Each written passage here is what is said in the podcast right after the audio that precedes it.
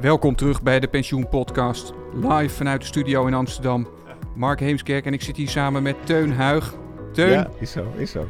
we gaan het eh, vandaag hebben over rechtspraak. Jawel. Ja, we pakken een uitspraak ehm, over de aansprakelijkheid van een eh, adviseur, een tussenpersoon. Ja, smeuig, smeuig. Ik dacht onze allereerste uitspraak die we gaan bespreken van de rechtspraak.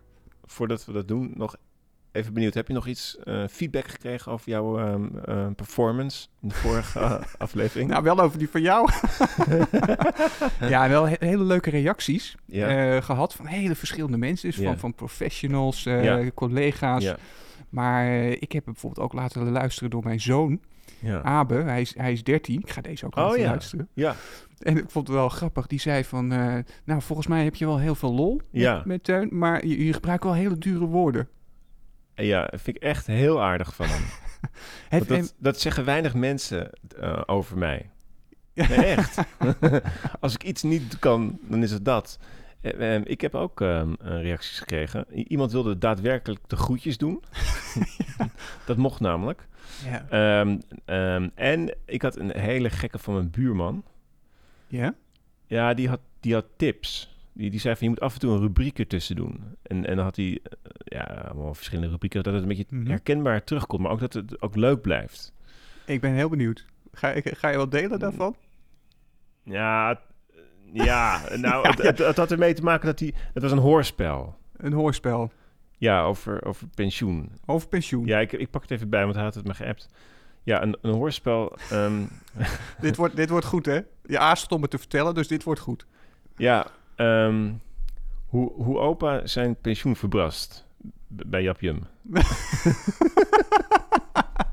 nou, zullen we, zullen we even naar de uitspraak? Ja, nu gaan we een sprongetje maken naar rechtspraak. Hartstikke goed.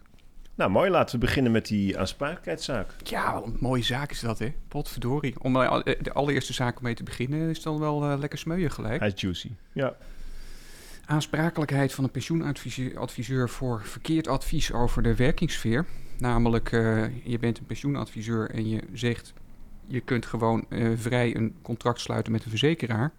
En dan blijkt achteraf, oeps, dat Ja. het toch niet zo was. De- die, die tussenpersoon die, die adviseert en die zegt in hele absolute termen... je valt onder geen enkele, enkel fonds, hè? Ja, in de management samenvatting Ja. staat het. En in het rapport zelf ook nog eens een keer. Ja. Echt ook, en het eh bedrijfstakpensioenfonds dat zich later dus meldt, het staat ook met zoveel woorden genoemd. Van nee, daar hoeft u zich niet verplicht bij aan te sluiten. Oeps. Maar ja, kijk, je gaat toch, ze hebben toch niet daadwerkelijk alle fondsen onderzocht? Nou, dat denk ik ook niet, want het zijn, er een stuk of 50. Maar deze hadden ze blijkbaar al eh, op de vizier. En ergens in die stukken lees je ook wel, Teun, dat ze ge- gebeld hebben Oh ja, ja, ja. Ja, met een medewerker. Ja. Die zou hebben gezegd ja. Dat het oké was. Dat ze niet ondervielen, ja. Dat is wel dunnetjes, En, hoor. en niet bevestigd gekregen. Niks op papier Nee. natuurlijk. Nee. Nee. Nou, nee, daar slaan wij als advocaat natuurlijk onmiddellijk op aan. Ja, ja, ja. ja, ja. En, en dan vervolgens eh, blijkt het fout te zijn. Ja, dan zit je met twee regelingen, denk ik. Ja, ja want je hebt een eh, verzekerde regeling. En dan blijkt dat je eigenlijk in de, met een bedrijfstakpensioenfonds eh, nog aan de slag mag. Mhm. Dus dat je gewoon premieplichtig bent. Mhm. Nou, dat moet je dan gaan oplossen. Nou, ja, we weten dat dat geen feest is als je dat soort dossiers hebt. Ja. Wat, eh, wat nog wel smeuig is, eh, of nou smeuig, Eh, ja, misschien toch wel. Die pensioenadviseursmarkt, die sch- schikt zich natuurlijk helemaal de kleren als ze dit soort uitspraken zien. Dat merk je ook wel als je dan deze Mhm. op LinkedIn zet, dat er dan heel veel mensen in, vanuit die hoek toch eens even gaan kijken van wat gebeurt daar. Ja. En wat juridisch interessant is, is die, eh, die leidraad van de AFM voor tweede pijlerpensioen. Mhm. Die al die pensioenadviseurs natuurlijk eh, van voor naar achteren moeten, moeten kennen. Daar slaat de- deze kantonrechter toch op aan. Eh. Want de juridische toetsnorm is natuurlijk... je moet gehandeld hebben als een redelijk handelend pensioenadviseur zou hebben gedaan. Mhm. En eh, dat is dus niet gebeurd volgens de kantonrechter. Mhm. En die zegt dan ook... ja, de AFM heeft ook zo'n leidraad. Mhm. En die heb je niet gevolgd. Dus pensioenadviseur, je bent aansprakelijk. Nou, even, ik ga nu even heel snel. Op welk punt niet gevolgd? Nou, voor, van, eh, vanwege de, het werkingssfeeronderzoek, Mhm. daar staan in die leidraad van de Autoriteit Financiële Markten, toezichthouder, daar staan wel een aantal onderdelen benoemd van, nou, dit moet je doen, pensioenadviseur. Ja, ja, ja. Ja. Ja, ja, ja. Hey, en wat is nou dus, hoeveel moet er nu betaald worden? Ja, dat weten we niet. Weten we niet. Want, hoezo? Nou ja, de, de, de schade die moet nog eh, in een schadestaatprocedure die er hier achteraan Ja, komt worden ja. bepaald.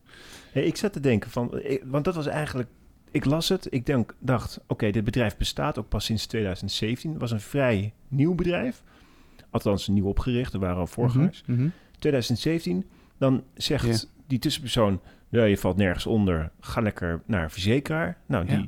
sluit een contract met Allianz per vanaf maart Ja. 17. Twee maanden later komt het fonds aankloppen en zegt, je, je zit verkeerd, je moet bij mij. Ja. Dus ik denk dan, dan is de schade ehm, het verschil tussen in eigenlijk die twee maanden tussen de premies of zo. ja, je bent weer gewoon een hele snelle oplossing aan het verzinnen, net, hè? Nou ja, maar ik, ik dacht van, hoezo posteren we hierover? Ja, Ja. niet leuk. En ik, ik zou ook denken van, ik ga niet betalen voor, voor dat advies. Hè, dus dat zou ik dan terug willen, gewoon omdat je boos Ja. bent. Ja.